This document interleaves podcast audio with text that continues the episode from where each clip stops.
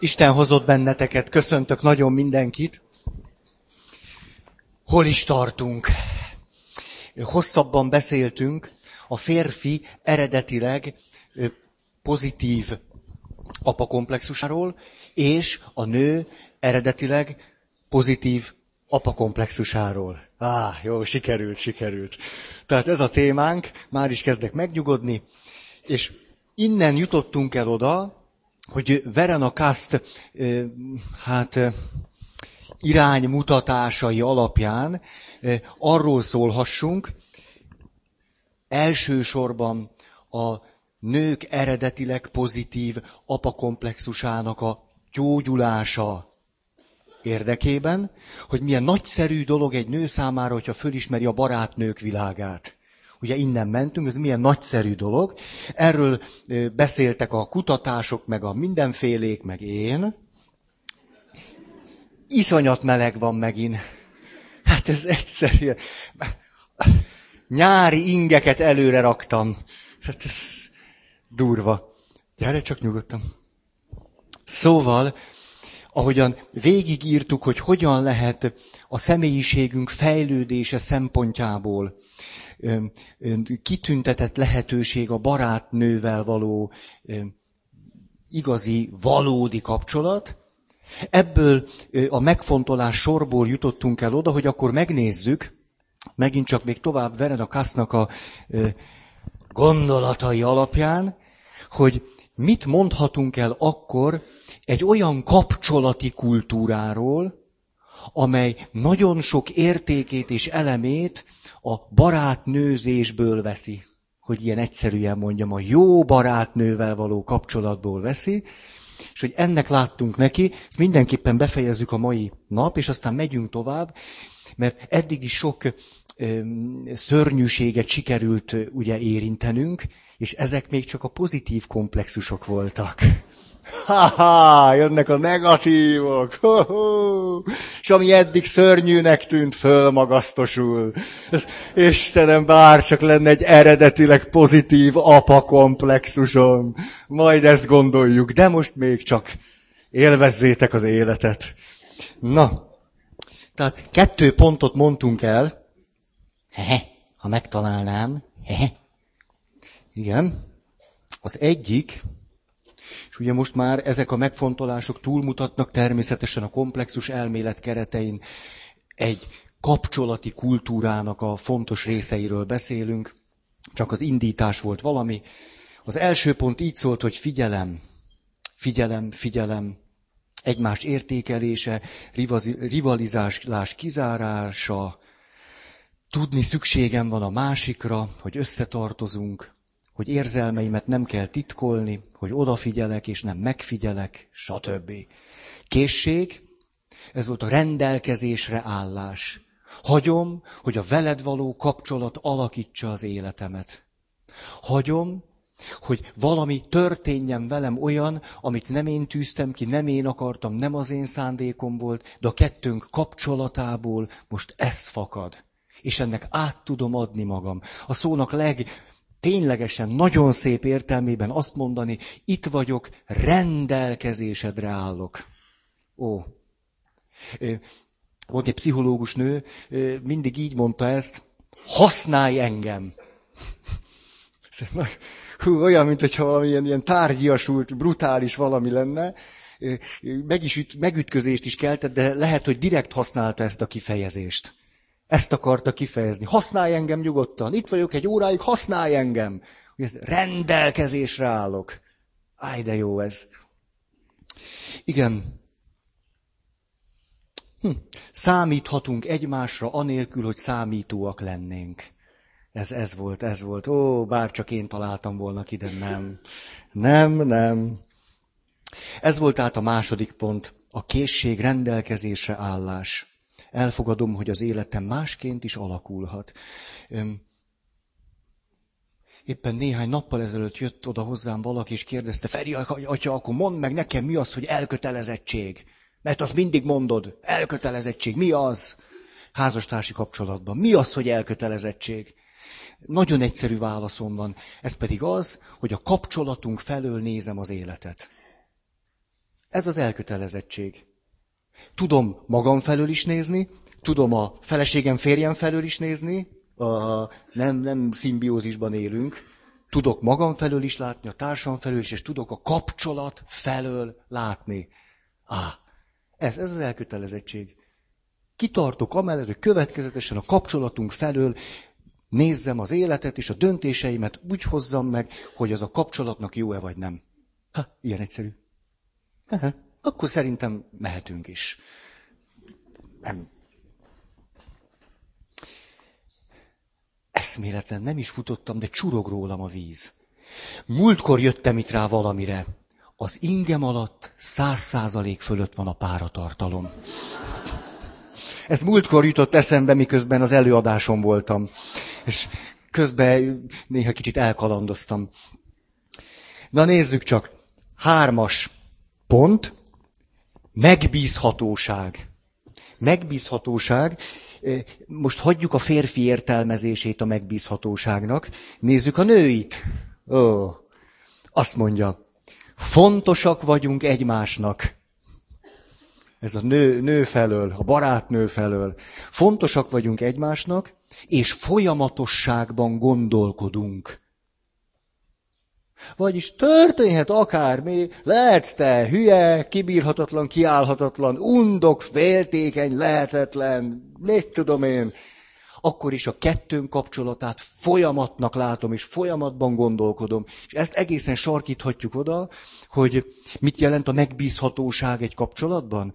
Azt jelenti, hogy a megbízhatatlanságból fakadó fájdalmainkat következetesen megoldjuk megoldjuk szó helyett mást is hozhatunk. Tehát természetesen nem vagyunk megbízhatóak, de mert egy folyamatban gondolkodunk az egymással való kapcsolatban, ezért a megbízhatatlanság nem szakításhoz, szakadáshoz vezet, hanem újabb témát ad arra, hogy, hogy, hogy, hát, hogy struktúráljuk az időt. Nem, nem vagyok még bemelegedve kétség kívül. Na, nézzük csak még, hogy mi is az a megbízhatóság. Ugye itt, hogyha ha a spiritualitás felől nézzük, ezt szoktam úgy nevezni, hogy pontszerű hit. Amikor valaki évtizedeken keresztül semmit nem tett az Isten kapcsolatának az ápoltságáért, a realizálásáért, az abban való életért, az afelől való látásért, az abból fakadó döntések hozataláért. De mikor bajban van, pontszerűen megáll, és azt mondja, Istenem, most! Ez a pontszerű hit. És a pontszerű hit állandóan mélységekben nyílik lefele. Öh, nem segített. Aztán van olyan, hogy segít. Ettől nem lesz jobb az élet. Mert a pontszerű hit éppen arra nem jó, amire a hitet kitalálták. Hm. A hitet arra találták ki, hogy kapcsolatban vagyok valakivel. Ez a hit, nem? Tehát egy bizalmi viszonyom van valakivel. Ez a hit. Ezért, amikor valaki ilyen pontszerű, pontszerűen fölkiált az Istenhez, ez nem hit, hanem kétségbeesés. És a kétségbeesés legfőjebb egy csalódásba torkollik, az élet pedig nagyon szép. Tehát a spiritualitásban, amikor nem folyamatban gondolkodom az Istennel való kapcsolatomról, hanem pontszerűen, ez újabb és újabb csalódásokhoz vezet, majd újból és újból, legjobb esetben is mi történik? Vissza tudok emlékezni egy-két alkalomra, amikor segített. Tehát mindig, mikor fölkiáltok az Istenhez, ezt abban a félelemben és bizonytalanságban, és tulajdonképpen bizalmatlanságban teszem, hogy vagy bejön, vagy nem. Most vagy segít, vagy nem. Itt nem az Isten problematika van, itt a, a, a hitnek ez a sajátossága nem teszi lehetővé azt, hogy az történjen bennem és köztünk, ami történhet. Ne. Ha a kapcsolatot folyamatnak tekinteném, és ilyen értelemben megbízható lennék. Ahogyan az az írországi sírfelirat szól, ez annyira megérintett engem. Azt mondja az írországi sírfelirat, az ember az Isten reménye. De szép. Nem fordítva, Nem az ember mondja, ó, Istenem, már csak benned bízhatok. Meg ez, a remény hal meg utoljára. Amikor, mikor ezt valaki komolyan így megy el ebből a világból. Oh, az ember az Isten reménye. De kár, hogy már el kell mennem. Még egy-két jó dolog belefért volna. Nem? Ó, uram, még annak, annak lehetett volna valami jót tenni. Na, de most ha megyünk, akkor megyünk. Tehát az ember az Isten reménye. A, van egy rabbi, bölcs rabbi, Fehérházban volt tanácsadó, egyébként rabbi, és és írt egy zseniális könyvet, közösségek működéséről, emberi kapcsolatokról, következő hihetetlenül ütős történetet hozza. Szóval nagyon sok ember ahhoz a helyzethez hasonlóan él, amit úgy tudnánk ábrázolni, hogy egy hídon áll egy férfi kezében egy kötéllel. Jön egy másik ember, és azt mondja neki, ó, megengeded-e, hogy ezt a kötelet, ami az én kezemben van, hogy ennek a másik végét a derekadra kötném, és akkor így össze tudnánk egymással tartozni. Hát a másik azt mondja, hát persze, jó, hát kösd nyugodtan a derekamra. Mire ő fogja kötének a másik végét, oda megy a híd párkányára, és leugrik. És pim, pim, pim, pim. És hát az illető kiabál fölfelé annak, aki tartja őt, hogy a te kezedben van az életem! Rajtad múlik az életem! Te rajtad múlik minden! Az illető a hídon elgondolkozik. Érdekes, mit is jelentenek ezek a szavak? Te rajtad múlik az életem, a te kezedben van a sorsom, te döntesz most élet és halál fölött, és az én jövőm fölött, és elgondolkozik. A gondolkozás egy párbeszédre sarkalja. Lekiabál az illetőnek, aki ott lóbálózik lenn. Komolyan mondod?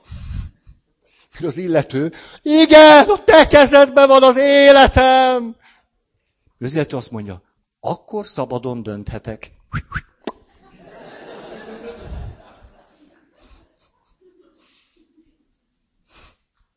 Hm? Hm? Súlyos. Súlyos. Összes kultúr keresztény rekeszizmunk megrándul. Azért, na, na e, ez ilyen egy rabbi. Nem, nem. Csak az eredetiség kedvéért mondtam el, hogy rabbi, mert tényleg. Mondhattunk volna szerzetest, zenmestert és ilyesmiket. Tehát, hogy a megbízhatóság azt jelenti, hogy folyamatban gondolkodunk és létezünk, hogy felelős vagyok az életem történéseiért, folyamataiért, ezekért felelős vagyok. A, megint, hogyha az eredetileg pozitív komplexus nézzük, ugye egy elemét kiragadva a vállás előtti pillanatok. Mi történt előtte? A nő függött a férfitől. Derék rá volt kötve, nála is. Rajtad múlik az életem. Ha te szeretsz, értékes vagyok, ha nem, töröm, töröm, töröm, ez. Mi történik, amikor ugye a nagy kölcsönös hódolat, csodálat, minden eltűnik? Jönnek a csalódások sorozatai, erről már sokat beszéltünk, már hagyjuk is. Ilyenkor, hogyha a nő nem ébred föl, akkor továbbra is a derekának kötél, a férfivel fogatja a másik végét, és azt mondja, eddig azt mondta, ó, te adod a boldogságot. Most egyszerűen csak a mondat változik meg. Ó, miattad vagyok ilyen boldogtalan. Ennyi. Ennyi, és akkor közben azt gondolja, hogy el kell vágni a kötelet. Ugye, ha elvágom a kötelet, akkor minden jó lesz. És hiába válik el, mert nem ébredt föl. A derekára továbbra is oda van kötve a kötél, oda van kötve, és azt mondja, ó, ó, én az a valaki vagyok, akit ez a pasi boldogtalanná tett, akit kizsigerelt, a töröröm, döröröm. Ilyen helyzetekből tud az a számomra egy kicsit sem meglepő ö, ö, fölállás előpattanni, hogy azok a nők, akik még annak idén oly szerelemmel kötötték a házasságukat, ezek a nők tudnak olyan brutálisan válni, hihetetlen. Mi, miért van az, hogyha egy nő akarja vinni a mikrót is?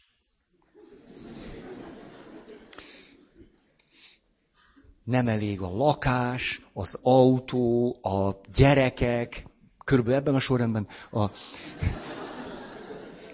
kell a nyaraló is, a mikró, a... Ha? Ha? Miért? Mert a derekán ott van a kötél, és nem ébredt föl. Még mindig azt gondolja, majd jobb lesz az életem, ha sikerül revansot venni attól a rohadt. Akkor majd másképpen fogok tudni a tükörben nézni. Ezért kell a pasit tönkretenni. Hát ha ő szabad lenne, ha ő valóban azt mondaná, ó, beláttam, az életem sokkal boldogabb tudna lenni, ha elválnánk. De erről szó sincsen. A vállás az utolsó nagy műve annak, hogy hogyan köteleződtünk el nagyon sajátos értelemben egy életre szólóan, olyan komplexusosan. Hát ha valaki válik, egyre szabadabb, azt mondja, köszönöm szépen, beláttam, hogy nem, nem, visszatérek a saját életembe, ebből a kapcsolatból, és nyitottá teszem magam, és szabadon körbenézek, megvoltak az okai, hogy miért, hát az illető egyre szabadabb lesz, akkor miért kell kicsinálni a másikat? Mikor kicsináljuk a vállásban a másikat, az a legjobb mintája annak, hogy az illető hiába válik el proforma, de jure, Kérdés, hogy mi történik? De facto. Ugye, ugye, a klasszikus latinos műveltség. Oh, azért a szemenáriumban sok mindent megtanul az ember. Szóval, és ezért lehetséges az, hogy ezek között a nők között nagyon sokan az egész életüket vagy végig gyűlölködik, vagy végig siránkozzák később. Megnyíltak volna egy újabb kapcsolatra? nem. Egyszerűen nem, hát nem, hát ott a derekukon az öv, és még mindig azt mondják, te, te vagy a felelős az én életemért. Egy mondatba összefoglalva, te tőled jön a boldogság, most meg te tőled jön a boldogtalanság. Ébredés nincs, ő a folyamatért való felelősséget egy picit sem vállalja. Semmit nem lát belőle hogy ő hogyan volt része ennek a rendszernek.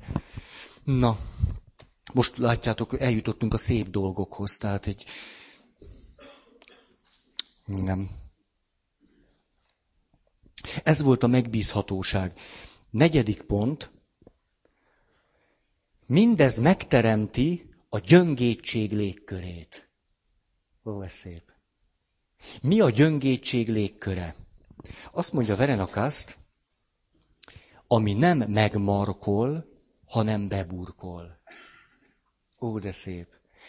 Nem megmarkol, hanem beburkol. Nem tudom, hányan nőttetek föl falun, mikor a kisgyerek fogja a kis csibét, és olyan nagyon fogja. Hát annyira édes, annyira, annyira, és úgy fogja, és érzi, hogy puha és meleg. Még most? Ez ez. És mikor kinyitja a tenyerét, csirke halál. Át, át babusgatta a túlvilágra. Ó, ez ez. Tehát az a, a gyöngétség, az a szeretet, ami nem megmarkol, hanem beburkol. Nagyon, ez, ez azért a nők valamit nagyon tudtok. Háj, de jó, hogy vagytok. Így, így, nagyon. Ez, ez. Igen. Aztán egy másik gondolat. A gyöngétség a gyöngétségnek a világa és légköre, az gondot visel a picire, a születőre, a zsengére, az éppen csak pihegőre, az éppen csak élni tudóra. Ahogyan a Szentírásban van, hogy a megroppant nátszálat nem töri el, a füstölgő mécsbelet nem oltja ki. Ó, ez az Isten gyöngét szeretete. Ez gyönyörű szép. Tehát gondot visel a születére, a gyöngére, a zsengére. Hmm. Jó. Vagyis nagyon bátorító. Bátorító. A zsengét, a picit, a születőt gyámolítja, bátorítja, ó, ó, ó, de csak annyira, amennyire annak szüksége van. Nem tudom, hogy, hogy egyet tudunk-e érteni abban, hogy mindannyiunknak az életében vannak olyan személyek, akik ezzel a bátorító, gyámolító, a szónak nagyon jó értelmében föl növelő szeretettel szerettek minket, vagy legalábbis volt egy ilyen mondatuk, vagy egy ilyen gesztusuk. Muszáj, hogy ilyen élményeitek legyenek. Muszáj. Biztos, hogy mindenkinek van. Csak ha nagyon-nagyon negatív komplexusban vagy, akkor elfelejted őket. Hozd vissza. Hogy volt egy nagyszerű pszichodramatikus nő volt, és azt, azt mondták róla a kollégái, ez egy, ez hihetetlen. Hihetetlen, hogy ez a nő, ez, ez milyen. Olyanokat, olyanokat ragad meg és csábít el a szónak jó értelmében, akik sosem gondolták volna magukról, hogy ők tudják ezt csinálni. Hogy ők tudnak egy csoportot vezetni, vagy dramatikusok lenni. Szóval egymás után Sose felejtem el egyszer, ott a testnevelési egyetemnek az aulájában álltunk, és együtt eszegettünk valami almás pitét, vagy ilyesmit. És ahogy, ahogy a nő tudott csak ilyen, ilyen, ilyen végtelen egyszerű két mondatot mondani. Őtőle én is nagyon sok bátorítást kaptam, két mondatot. Ez, ez bőven elég. Két mondat. Ferit, ezt nagyon-nagyon tudnád csinálni. Ez a gyöngéd bátorító szeretet. És hogy, na, de nézhetnénk a másik oldalát, mikor mondtam miért utoljára valakinek. Azért, azért jó, hogyha vannak gyerekeink, ugye? Az egy kicsit kihozza ezt belőlünk. Hát már akiből, már akiből. Jó? Ugye a spiritualitásban, ahogy Jézus azt mondja, jaj Péter, Hát ne aggódj itt, ne bűntudatozzál, meg szégyenkezzél, halász leszel. Teljesen váratlanul. Jézusban ezt te kifejezetten azt merem mondani, hát persze apai, hogy ilyen, ilyen anyaian tudta, tudta, tudott bábáskodni. És Szókratész is ezt mondja. A filozófia a bábáskodás művészete. Fölnövelni azt, ami ott van a másikban. Hát ez hát olyan szép. Na, a gyöngétség nem egyenlő ezzel, amit az előbb mutattam, mert a gyöngétség légköre megengedi a vadat. Nem fél tőle. Tehát a gyöngétség légkörébe nincs elutasítva a szenvedély, a vadság, az életerő, ebből a szempontból vagy spontaneitás. Ó, tehát a barátnői kapcsolatból azt látjuk, hogy ahol megvan ez a gyöngét folyamatosság a két ember között, de közben lehetünk vadak. Telma és Louise. Láttátok? Nem? De. Láttuk. Láttuk. Most nyilván nem minden elemét propagálom. Egy meghitt kapcsolatban ahol nagyon, nagyon tere van a gyöngétségnek, ott tere van a vadságnak is. Ha, Ugye a meghitt kapcsolat arról ismerszik meg, hogy képes vagyok közel lenni és távol. Képes vagyok közel engedni téged magamhoz, és elengedni téged. Ettől meghitt a viszonyunk. Tudunk közel lenni, távol lenni. Egy meghitt kapcsolathoz tehát elemi módon hozzátartozik nem csak a gyöngétség, hanem a vadság. Ah, lást, egészséges szexuális kapcsolat. lást. Jó. Na szóval. Igen. Ötös pont. Öröm. Elcsépeltnek tűnik, de majd Verenakászt új tartalommal tölti meg a régi szót. Azt mondja, az öröm egyenlő azzal, hogy meg vagyok elégedve az élettel. Ami azt jelenti, képes vagyok megelégedett lenni önmagammal, a másikkal, a világgal, meg az Istennel. Mikor ez a megelégedettség ott van, akkor örömben vagyok. Ah. Ezért azt mondja, hogy az öröm mindenképpen egy itt és most dolog. Egyáltalán nem fiatal házaspárt eskedtem, ami furcsa hangzik, hogy egy házaspárt eskedtem, de már vannak gyerekeik. És ugye minden kapcsolat, ami a folyamatban bontakozik ki, nyilvánvaló fönt, lent, fönt, lent. És erről találtam nekik beszélni. Ú, hogy mondjam, van bennem némi... Mm-hmm, Szóval szeretek a határig lavírozni. És ugye ott ülnek szépek, és azt találtam nekik mondani, hát tudjátok, el tudom képzelni, mennyi csalódásotok volt már egymásban. Esküvői beszéd, hát... Végis nagyon fontos a stílusérzék. Mikor mit? Mondom, hát azt el tudom képzelni, de gyerekeik ott rohangáztak a templomban, tehát az biztos, na, hogy az összes örömanya a fejük kezdett beszikkadni, ú, rossz papot hívtunk. De itt még nem volt vége. Mert mondom nekik, na és az még semmi. És hogy mennyi elvárásotok lehet még a jövőre vonatkozóan. Hmm. És aztán, amikor már jó rosszul voltak, mint múltkor, ugye, akkor hát, hogyha ti ma azért jöttetek, hogy örüljetek és ünnepeljetek, akkor mindössze két dolgot kell tenni.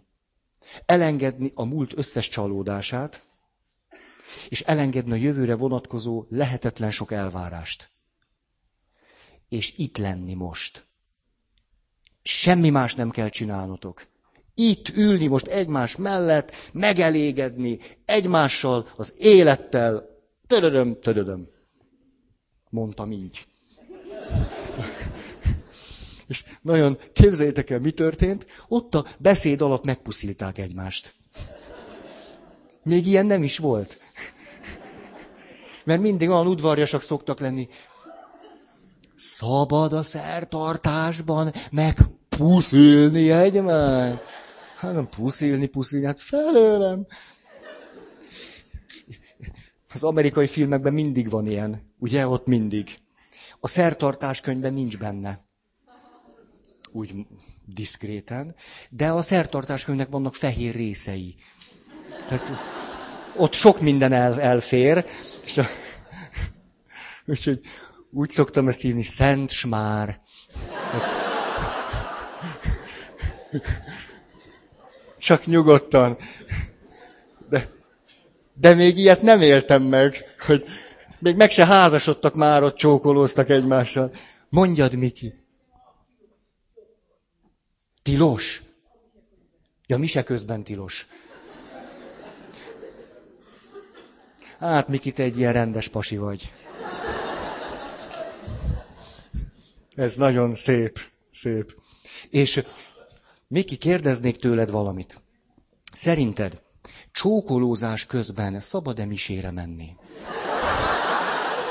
Nem, hát ez nem jött be. Nem. Milyen szép dolog, ez valaki még a csókolózás közben is. Hát az a vasárnap, az vasárnap. Na gyere, drágám. Na, jó van.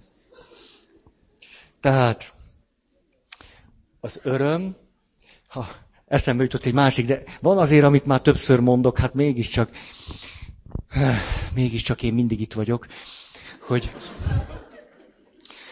hogy, hogy, hogy, jött egy fiatal pár, katolikusok, az nem baj. És tehát ettől még boldogok is lehetnek éppen. És nem kizáró ok, ugye van, van olyan, ami kizárja, ez éppen nem. Hm. Mondják, hogy aj, annyira szép ez az esküvő, meg szertartás, ez mégiscsak tidim, tidim, de ezt ők nem így mondják, csak én interpretálom így. De azért, ahogy a protestáns esküben, hogy most az evangélikusban, vagy a reformátusban, ezt ti biztos tudjátok, hogy vele megelégszem. Ott van az esküszövegben, ez ve, vele megelégszem. A, a nagyon papos lelkészek azt mondják, véle megelégszem. Hát, igaz, ezen nem múlik már semmi. Minden esetre, mikor azt tudjuk mondani, hogy itt és most megelégszem azzal, hogy ilyen vagyok, te olyan vagy az élet, meg amolyan, az Isten se tökéletes, de azért elfogadjuk.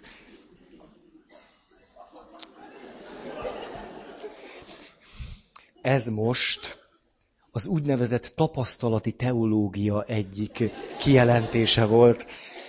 Nem filozófiai, teológiai megközelítésből hallhattátok ezt, hanem az emberi tapasztalat leírásaként. Na most, az öröm, az efféle önbecsüléshez vezet. Mert azt élem át, hogy itthon vagyok az életemben. Otthonos vagyok a saját életemben. Hm. Kompetencia tudat és hatékonyság. Ah, az örömből ez fakad. Érdem nélküli gondoskodásra van lehetőségem. Hogy a világ egy olyan hely, mikor örülök, hogy tudom, hogy csak úgy is érhetnek jó dolgok. Ezt tudjátok? Hogy csak úgy. Tehát például, hogy a gazdasági válság van, akkor is történnek szép dolgok. Ezt tudjátok? Jó, jó. Nagyon örvendek ennek. Csak hol tartok? És el, elmerültem ebben az érzésben. Igen. Jött hozzám egy fiatal ember, igazi jó, kőkemény pasi. Azt mondja, hát Feri, visszaemlékszem az esküvői beszédre, emlékszem, hogy az örömről beszéltél. Mondtál négy pontot, egyre emlékszem. A jól végzett munka öröme. De mi volt a többi három? Hát mondom, jó témánál vagyunk. Ugye pont ez, ha valaki csak a jól végzett munka örömét ismeri, ú, az, az nagyon protestáns. Uh.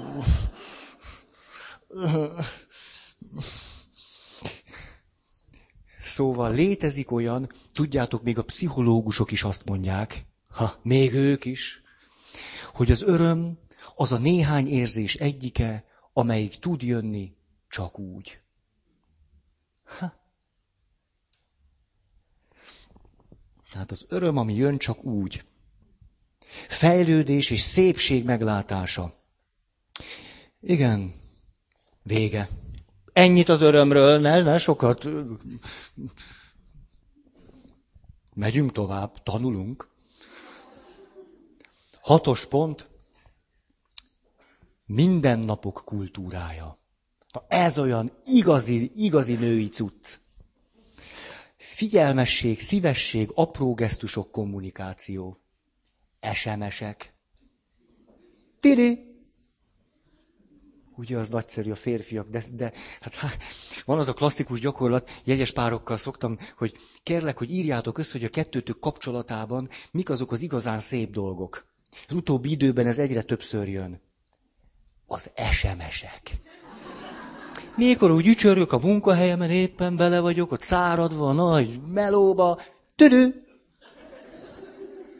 és akkor jön pusszancs. Gazdasági válság ide, gazdasági válság oda, a nő azt írja, pusszancs. És a férfi azt mondja, ha van remény. Amíg van pusszancs, addig van remény. Szóval ez a mindennapoknak a kultúrája. Hát ténylegesen, ez, ez itt, itt csak sztorizgatni lehetne reggeltől estig, hogy ezt milyen jól tudjátok csinálni. Ti nők. Mi férfiak talán mikor szerelmesek vagyunk. Egyébként pedig jól felfogott érdekünk.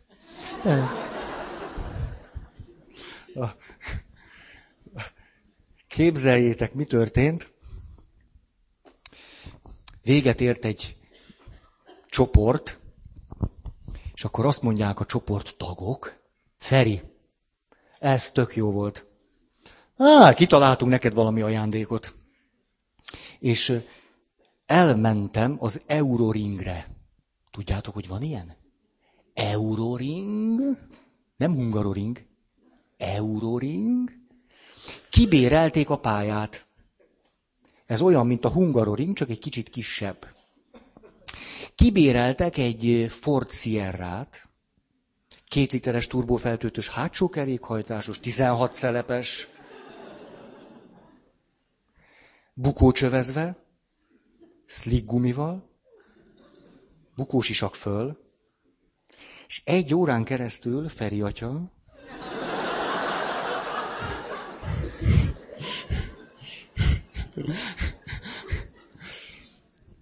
és képzeljétek, hogy mondjad, mennyivel mentem. Péter, nem így mérik. Az, az más, a, mennyivel mentél, az, az, egy más, az egy másik sport. Ez a, tehát mikor egy pályán körözünk, fél óráig mellettem ült az oktató, és mondta, hogy kapcsol a kettes, nyomja a gáz, kitolja a szemét, tehát így, így, ilyen, ilyen. És akkor fél óra után kiszállt, és mondta, na most 80 kilóval könnyebb lesz az autó. És akkor lehetett ereszteni. Ú, ú, nagyon, nagyon, nagyon. És akkor, hát, 1.31 a tuti idő, ezzel az autóval, a profiknak. 1.36? Bocsi. Hogyha...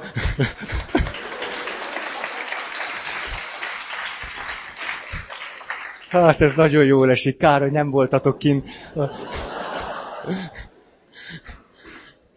Szóval, képzeljétek el, úgy elfáradtam, nem bírtam levezetni az egy órát. 53 perc után kijöttem a Box utcába, értitek, Box utca. És mondta, hogy ennyi elég, tehát ezt, ezt körülbelül eddig bírtam. És akkor, hogy megyünk haza, akkor beszélgettünk, hogy na, hogy jó, hát ez milyen jó élmény volt, meg ilyesmi. És mondom neki, hogy tehát ez egy olyan gondtalan nap volt, hát ez annyira zseniális, hogy de jó így élni. Hogy vannak benne gondtalan napok. És akkor ebben meg megegyeztünk, hogy ez, ez jó. Jó. Tehát gazdasági világválság, vannak benne gondtalan napok. Milyen olyan, szóval hallgatni az időseket, amikor beszélnek a fiatalságukról. És azt mondják, hát igen, második világháború, igen, igen, hát szörnyű volt, tehát csak akkor voltam fiatal. Ú, hát te diktatúra alatt nőttél föl, ú, de borzasztó. Hát igen, nagyon rettenetes, rettenetes. De hát akkor voltam szerelmes. Ah, azért ezt is halljuk meg. Uh-huh. Szóval mindennapok kultúrája. Hmm. Szokott lenni születésnapom. Ez elkerülhetetlenül minden évben megtörténik. És megyek a plébániára, jó késő volt, mert ilyen csoport, olyan, nem tudom mi, és akkor mit látok? Lóg egy dinnye a kilincsről. És nincsen cetli, nincsen, hogy én voltam, engem szeres, nem tudom nem semmi. Csak a dinnye. És ki, kivettem a dinnyét, hát egy zacskós lógott, tehát ki nem úgy rá volt nyomva a kilincsre, az más, tehát az, az, egy, az egy másik műfaj, és a, szóval le a dinnyét, és akkor ki volt vágva a szeme, szája, mosolygott, ó, Feri atya születésnapja. Fogtam bele a kést. Szép ez. Hát ez a mindennapok kultúrája. Néztem néhány nappal ezelőtt a tövöt. már tévét. Azt mondja, Justin Enen befejezte pályafutását, tudjátok, teniszlédi, és a pályafutásáról ő maga beszélt. És akkor mutatnak egy ilyen epizódot, már sokszoros Grand Slam győztes, amikor ott van, mit tudom én, hanyadik Wimbledoni vagy valamelyik versenyén, és mit tesz az edzője? Pasi, ráadásul. Itt van ez a világ első valaki, hát ameddig nem... Miért hagyta abba? Mit csinált valami? Mit csinált? Hogy? Gyerek? Máshogy tudom, mindegy. Szóval az edzője egy Grand Slam döntőben megtette azt vele, hogy a táskájába berakott négy-öt borítékot. A négy-öt borítékban különböző szövegek voltak, és azt kért, hogy körülbelül ilyen, ilyen mit tudom, 7-8 gémenként vegyen elő egyet. És akkor lehetett látni, hogy e- elővette ott, ott a nagy, nagy meccs kellős közepén, hogy éppen kis pihenőidő volt, és akkor a, a borítékot kiveszti a papírt, és akkor az, hogy megérdemled, hogy győzzél. Akkor megint tenisz, megint kinyit egyet. Te vagy a legjobb! Ó, oh, ho, ho. Tehát a pasik is tudnak ilyet. Jó.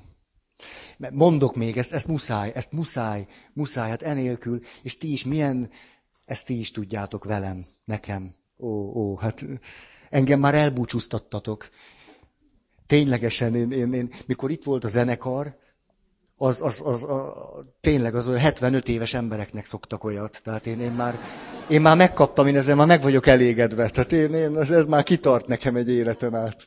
Legkomolyabban. Én erre visszaemlékszem, az, az...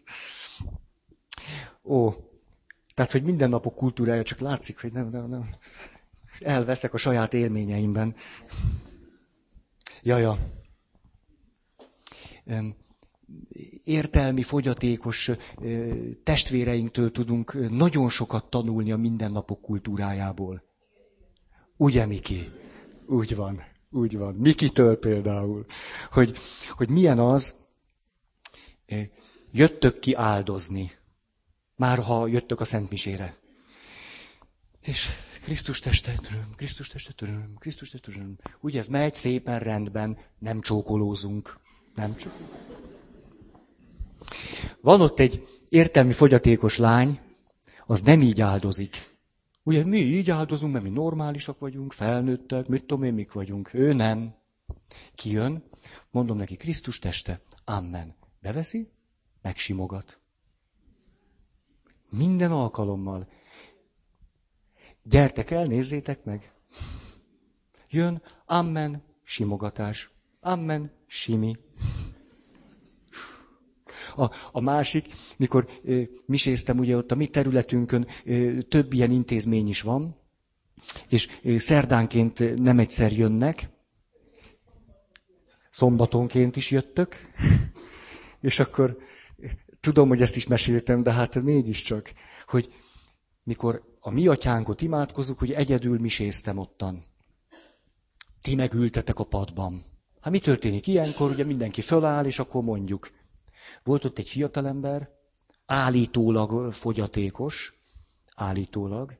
Szóval hát a szegény Feri atya egyedül van. Kijött a padból, tük, tük, tük, tük, tük, tük mellém állt.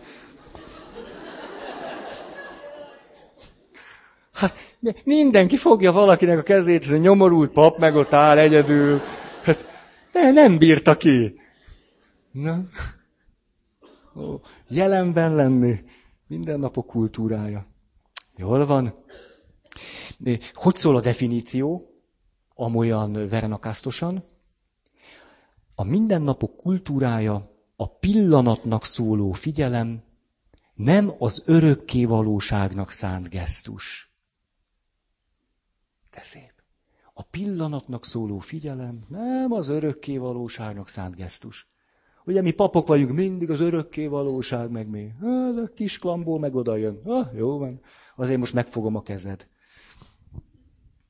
Ez volt a hatos, hetes. Vágyódás az értelemre, megértésre, a spiritualitásra. az egyedi személyes, nem szabályoknak alávetett tapasztalás. A vallásunknak, már én most a kereszténységről mondom, az lenne a történelmi küldetése, hogy többek között, hogy pátyolgassa, gondozza, dédelgesse, növelje föl a ti legbelsőbb spirituális tapasztalataitokat. Hogy ezek tudjanak bennetek és belőletek kibontakozni, és élni, és virulni, és aztán a maguk helyére kerülni, és titeket a helyetekre segíteni. Ez volna a vallásnak a szerepe. Az a nehéz azonban itt, ami szintén egyszerűen a vallással magával jön, hogy amikor a gyerekeket elkezdjük vallásosan nevelni, akkor tulajdonképpen elkezdünk nekik válaszokat adni, miközben ők még nem kérdeztek. Elkezdjük őket valamivel betölteni, miközben még nem vágyakoztak. Elkezdünk nekük megoldásokat adni, miközben még nem voltak problémáik. Akik az egyházban szocializálódtatok, nektek nagyon sajátosan nem a vágy tárgyát kell megtalálni, hanem a vágyat. Ó, sok, néha sokkal nehezebb. Te nem azon küzdesz, hogy tudod-e, hogy van-e Isten, aki szeret téged, mert pontosan tudod, csak nem vágysz rá. Vagy vágysz rád, ez a vágy valahol annyira, annyira el van nyomva benned, azt se tudod, hogy hol van. És a misén unatkozol. Megint mise. Ugye, ugye valaki unja a misét, az semmi, semmi más nem mutat, mint hogy a vágyat nem tudta magából előhozni. Vagyis, mit lehetne mondani? Teletömött hassal ment el ebédelni. Hát a mise egy lakoma. A teletömött hassal megyek, hát, ö, ö, megint, ö, ismeritek ezt a viccet az óvodába. Hétfőn tumpi, kedden tumpi, szerdán tumpi, csütörtökön tumpi, pénteken tumpi. Nem lesz különösebben jó vicc. Szó... Tényleg el sem mondom a végét, tehát ügyeség. Szombaton tumpi, vasárnap tumpi, rohadt életben mikor lesz már mákos tészta?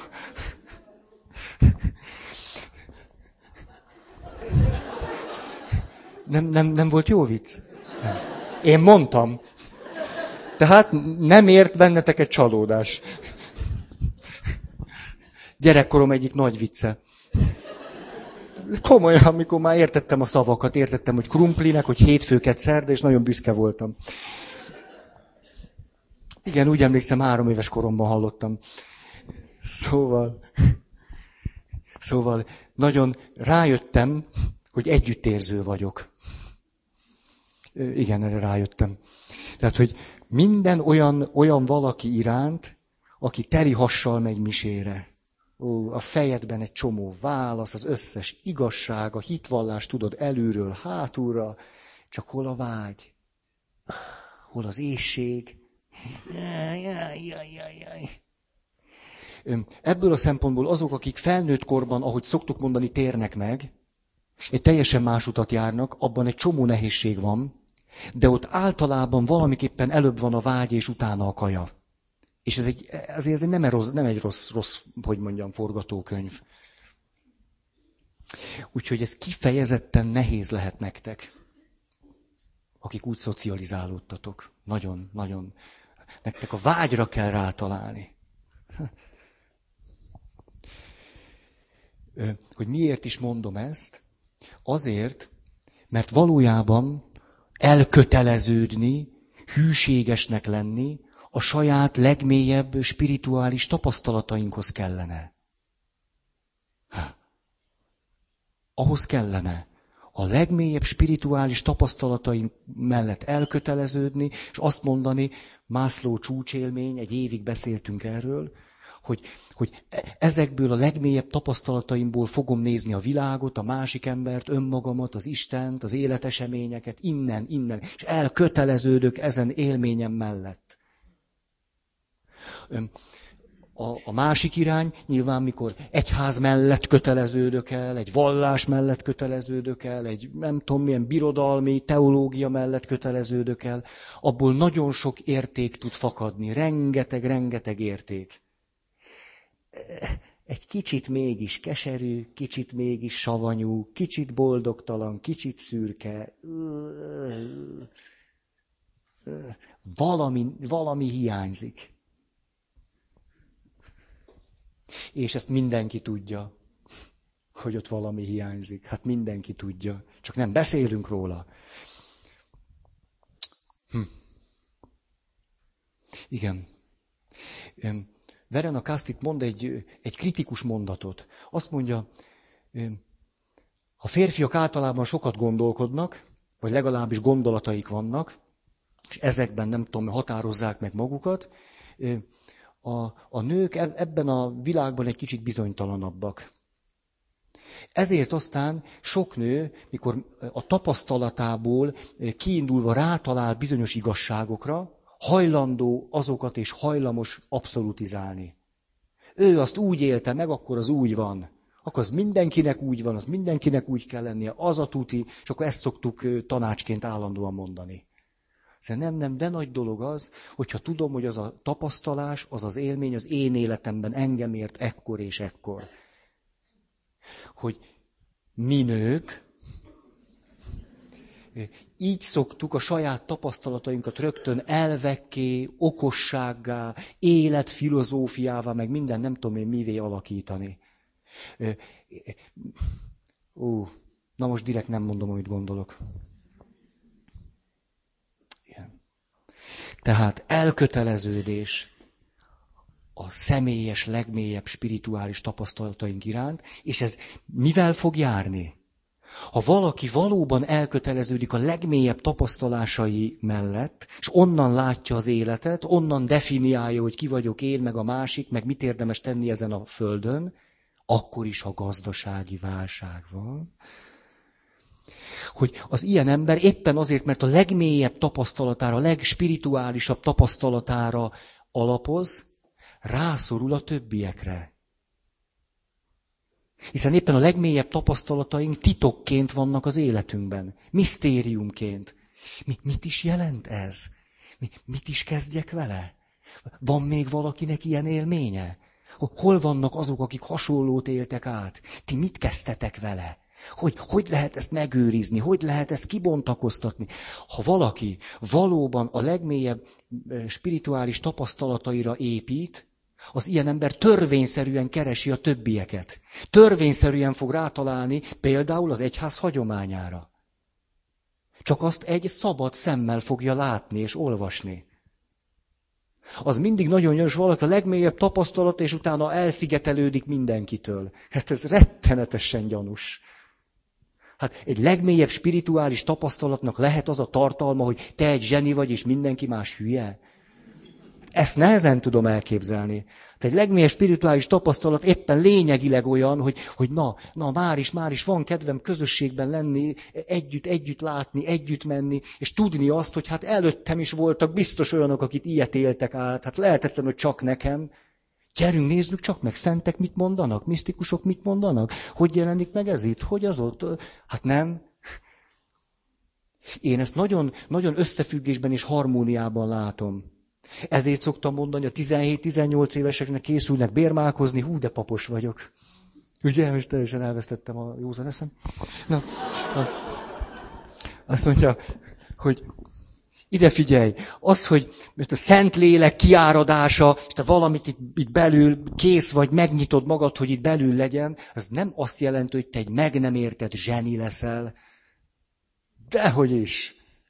Ó, hogy a, a ú, ú, most a bírmálkozási anyagot hagyjuk. Megyünk tovább. Tehát egy valódi spiritualitás, valódi, valódi értelme az életnek. Hmm. Hmm. Halottak napja. Nem volt régen. Hmm. Beszélgettem a pöttyökkel erről. Ah, menjünk csak bele. Ó, ah. Na, Feri, tehát szavakat, szavakat. A... Igen, igen, mert műfajilag az illik ide. Azt mondja, hogy kérdezem tőlük, annyira szenyó tudok lenni. Te mondjátok csak, szerintetek az ember lelke hol van a halála után?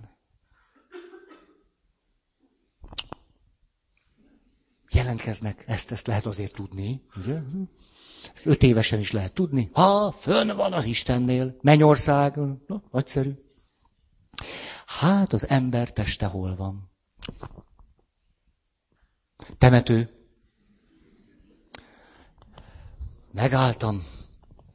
Biztos ez?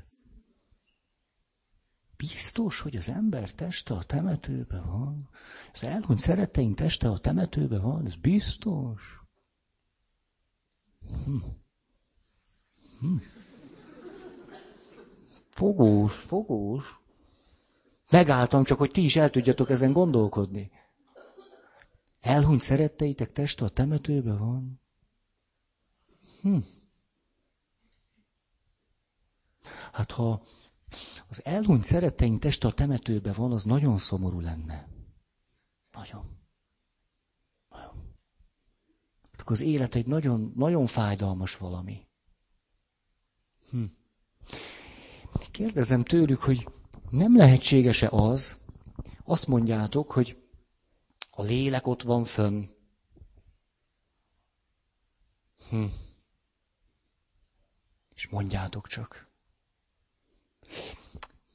Mit tudunk a testről? A test föltámad. Ha? Hát ez az. Hát ha a szeretteink föltámadtak, azt jelenti, hogy a testük föltámadt, más testben vannak, hm? akkor mi van a temetőben? Hát ha a szeretteink teste föltámadt, akkor mi van a temetőben? Kisfiú jelentkezik, okos, megtalálta a megoldást. A temetőben a szeretteink sírja van.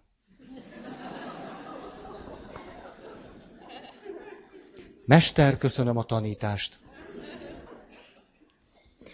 Úgy la, így bizony. A temetőben szeretteink sírja található. Szeretteinknek se teste, se lelke nem nyugszik a porban. Mi, miért lenne ott? A szörnyű lenne. Hát szörnyű lenne, nem lenne szörnyű. És a szóhasználat milyen döbbenetesen árulja el, hogy a mély spirituális tapasztalásból kiindulva nem merjük látni ezt a dolgot. Azt mondja, elmegyek a temetőbe az, az anyámhoz. Hú, de szomorú. Hú, de rettenetes. Az rettenetes lehet. Ha valaki a temetőbe megy az anyjához, az olyan rettenetes, hogy nem, le, ezt nem mertem elmondani a misén. Hát a halottak napján ezeket a szavakat nem merem elmondani, mert, mert megbotránkoztok. Tehát most már ked van.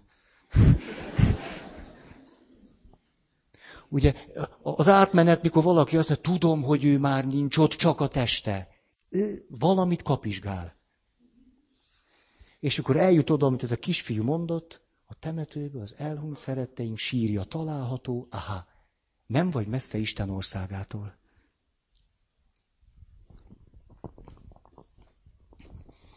És akkor utolsó, nézem az időt. Szolidaritás, közös sors tisztelete, megbecsülése. Hm. Megrázó történetek vannak a szolidaritásról a háborúban. Hogy mit jelent, mit jelent egy igazi mély szolidaritás. Fúha, húha. Olyan brutális és szörnyű, de hogy hogy mondjuk azt mondjuk, hogy a, az ellenség elhuntjait is el kell temetni. Azért az, akkor azt hagyjuk. Vasárnap nem háborúzunk. Hogy ezt tudjátok, hogy ez volt. A második világháborúban is volt, hogy abba hagyták az öldökről, és átmentek egymáshoz. Volt, hogy a frontok be, front úgy át, és karácsonykor átmentek egymáshoz. Kará 20, 25-e van, hát ezért mégiscsak. Aztán 26-án le, lelőtték egymást. Hát elég szomorú, hogy ennyi. És épp most ö, hallottam ezt a történetet, ö, Európa legnagyobb lipicai lóállománya hogy menekült meg a háborúban. Hallottátok ezt? Hogy harapófogóban a németek, jönnek az orosz csapatok, meg az amerikaiak. És lehet már tudni azt, hogy eh, ahol a lóállomány van, azt bizony az oroszok fogják először elérni. Ezért a német tiszt, huszártiszt vagy micsoda, azt mondja, ajjajjajjajjaj. Hát, ha az oroszok kapják meg a lipicai lóállományt, azt bizony le fogják vágni és megeszik. Helyjej, mit lehetne csinálni? Fogja magát a német tiszt, 1945, fölül a lóra, át a fronton, tük tük tük tük tük tük tük, tük elmegy az amerikaiakhoz. A német tiszt. Azt mondja, ez és ez vagyok, szeretném, hogyha bekísérnének a parancsnokhoz. Nem lövik le az úton, akkor azt mondja a az amerikai parancsnoknak, hát itt van, itt van, itt van a, a lipicai lóállomány, Európa legnagyobb lóállománya, itt, itt, itt, ha ez nincs, akkor ez egész, egész el fog tűnni. Szolidaritással, pacikkal. Nem lehetséges-e az, hogy eljöttnek néhányan velem, megmutatom, hol vannak a lovak, szépen elhozzátok azt, a miért, miért kéne nekik megdögleni? Szerencséje van a német huszárnak, mert egy texasi lovaglós csávó éppen a, mit tudom mi, század parancsnok, rögtön fölcsillan a szeme, hú, lipicai lovak, na. Adja a farmer gyerekeket, német tiszt vizeti őket, lipicai lovakhoz el, tik, tik, tik, átterelik őket, és akkor utána van a hadifogság. Uh, nem szép a vége, de legalább van benne valami. Na most, ez lett volna a, a barátnőzésből fakadó kapcsolati kultúra nyolc legfontosabb eleme. Ez egy olyan szakszerűnek tűnt, ugye, rögvest. És miután van még 8-9 perc, belekezdünk. Most jönnek a nehéz dolgok. Főleg nekem. Mert most fog az kezdődni, hogy a férfi eredetileg negatív anyakomplexusa. Erre iszunk egyet. Hm. Azért nehéz téma ez nekem, mert rólam is szól. Ajjajjajjajjaj. Mondjuk a zömén túl vagyok már,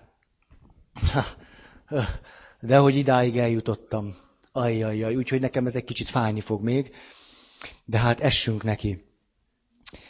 A férfi eredetileg negatív anyakomplexusa egy olyan élettörténetbe ágyazva, ahol tulajdonképpen két dologra szeretnénk majd rácsodálkozni, azon túl, hogy sikerül valamennyire leírni ezt, mint jelenséget. Az egyik, nem kell, hogy nagy sérelmek érjék azt a gyereket ahhoz, hogy negatív anyakomplexusa legyen, nem kell, hogy őt üssék vágják, hogy, hogy szeretetlenek legyenek, hogy gonoszak, hogy elhanyagolók, nem kell hozzá. A másik pedig, hogy egy eredetileg negatív anyakomplexusból hogyan tud kijönni egy látszólag szép keresztény élet.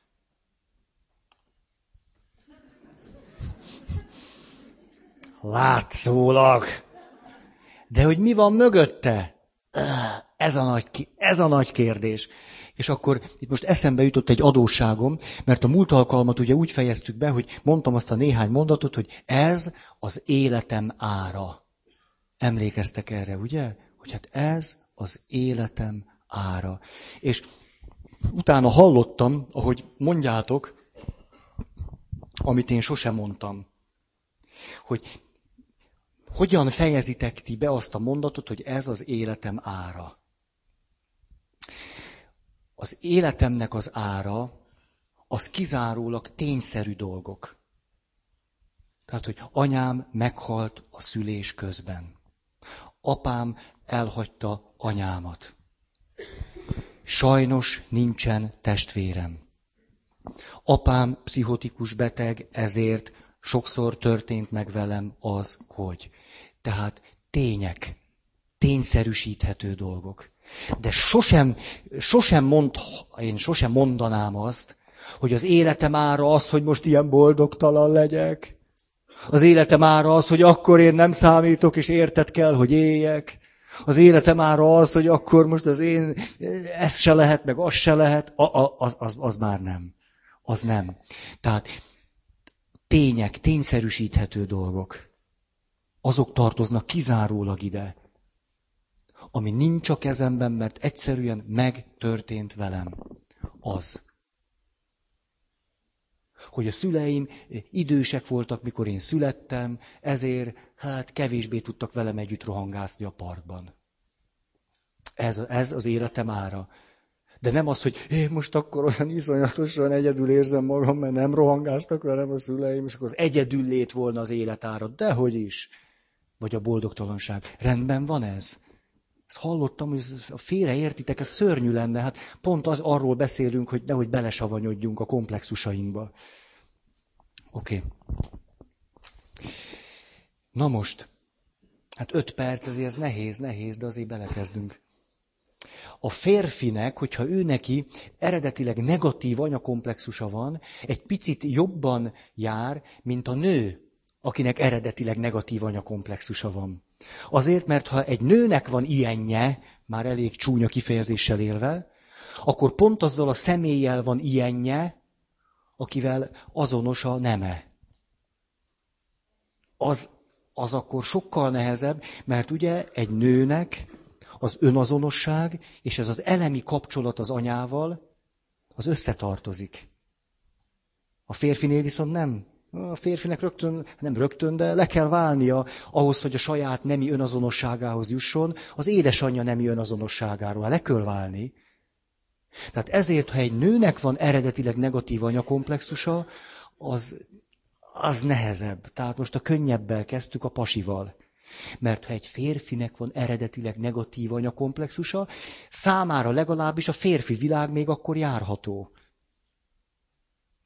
A férfi világban azért ő meg egész tűrhetően el van. Jó, van egy csomó ilyenje, olyanja, majd ezekről beszélünk, de azért egy világ mégiscsak nyitva van. Ott, ott lehet menni, nem tudom mit. Egy, egy nőnél ez a teljességgel kikerülhetetlen az elejétől kezdve. Tehát az, az, az ott sokkal, sokkal ütősebb. De azért a férfinak se pite. A, ez a fiatalember úgy hívják, hogy Helmut. Most éppen nincs itt. A, tényleg van egy Helmutunk, jó, jó ösmerősöm, de már nem jár, mert pici babái vannak. A, mit tapasztal meg? Azt mondja ez a Helmutka, hogy Hát van egy néhány éves koromból egy alaptapasztalatom anyámról, meg rólam. Ez pedig az, hogy esik a hó, és hideg van kin, mi bent vagyunk a szobában, az én édesanyám néz kifelé az ablakon és sír. És én pedig ott vagyok a kis Helmutka, és látom, hogy az anyám, aki a legfontosabb a világon, az anyám, hogy sír, és boldogtalan, és, és szomorú, tehát én a kis Helmutka vagyok, és ezzel egyáltalán nem tudok mit kezdeni. Nem, nincs, nincs, nincs, nincs lehetőségem, tehetetlen vagyok abban, hogy az anyám, ó, hát bár csak boldog lenne, vagy boldogabb tudna lenni. Én ott vagyok, de ez valahogy nem történik meg soha. Ez az alapélmény ennek a kis Helmutkának. Miért, miért megy a terapeutához? Azt mondja, sajnos Épp csak elmúltam 40 éves, de túl vagyok az első szívinfarktuson. Tehát látjuk, hogy a férfiaknak sokkal könnyebb ez a negatív komplexus. De a nőknek. Szóval, hogy ennek felesett réfa, hát 40 valahány évesen már ki van készülve a szívem, hát itt e- ez, ez biztos, hogy nem csak biológiai okai vannak. Itt valami, valami nem stimmel. És akkor mondja, mondja tovább, hogy az alapélményem tehát az, hogy az anyukám ott áll például a kiságy fölött, a rácsos ágy fölött, a nagyobb bacska ágy fölött, és valahogyan tehetetlenül nézi, ahogy én már gyerekkoromban is betegeskedek. negatív anyakomplexusú fiúcskáknak, lányocskáknak is, fiúcskáknak nagyon gyakran szerepel a gyerekkori élettörténetében rengeteg betegség. Nem, nem áramlik az élet. Valami nem áramlik, nem, nem, nem, nem, ezért mindig betegség, betegség, betegség. Valami nem jön, ami az anyától kellene, hogy jöjjön, mert a gyerek még, még kicsi ahhoz, hogy belőle jöhessen. Még az anya a forrás, az anya, de az anyából valami miatt nem jön. Ez az anyai történetesen depressziós volt. Ténylegesen, nem úgy, hogy szoktam, hogy depis, hanem rendesen, combosan. A... Igen, most visszaemlékszem, ugye arra gondoltam, hogy mindig a saját életemből is sztorizgatok, mert van mit, hogy ott van. Az egész gyerekkoromat végig betegeskedtem. Folyamatosan, de folyamatosan. Mindig. Hát öt éves voltam, már ki kellett venni a mandulámat. Lehet, hogy ez nem egy nagy szám. Na de ha öt éves vagy, és akkor becsaptak. Azt mondta a doktornéni, emlékszem, nem is voltam még öt éves, azt mondja, hogy szép, mert elaltattak, hogy el fogsz aludni, és nagyon, nagyon szép, szép, mindent fogsz álmodni. És nem álmodtam semmi szépet. Csak fölébredtem, és nem volt semmi szép álom. Az utolsó emlékem, emlékszem ott a négy és fél évesen, hogy azt mondta a doktornéni, hogy kezdjem el a bárányokat számolni. Tényleg így volt, ez biztos ő, ő neki ez volt a technikája. A kisfiút ott, ott kis, kis, állandóan beteg voltam, vagy homloküreggyulladásom volt, vagy arcüreggyulladásom volt, vagy egyszerűen csak influenzás voltam, vagy éppen csak meg akartam halni. Tehát ez különösebb más bajom nem volt, és mindig, mindig ez, és, a, és hát a doktornő meg ezt mondta, és akkor azt is mondta, hogy úgy kell számolni a bárányokat, hogy jönnek a bárányok egymás után, és van középen egy palánk. És akkor a bárány fölmegy, és fölugrik, és átugrik a palánkon. Na, kedves kis Ferike, ezeket az átugró bárányokat számoljad. Ez ment. Ez ment, számoltam, hát, hogy egy, egy, egy, hát ugye négy, négy éves gyereke, hogy számolja? Még egy, még egy, ha nem jó, megint egy. Tehát így számoltam. És vártam, hogy mit mond majd a doktor, hogy beteljesedik, amit mondott, hogy mondjuk, hogy elmennek a bárányok, valami szépet álmodok. És mire ébredtem föl, hogy iszonyúan fáj a torkom. Tehát ez, ez, ez, er, erre ébredtem, és hogy, hogy fagylaltot lehetett enni. Akkor még ez dívott, állítólag ma már nem. De akkor dívott, és ez nagyon jó volt, és akkor kaptam csoki fagyit. Ez jó volt. Csak az volt vele a baj, hogy nagyon fájt a torkom, mikor ettem. Úgyhogy ebből is megtanultam, mindennek ára van. No jó, ezzel a szép befejezéssel, a remény fölcsillantásával, akkor tudom, hogy van, aki szeretne hirdetni.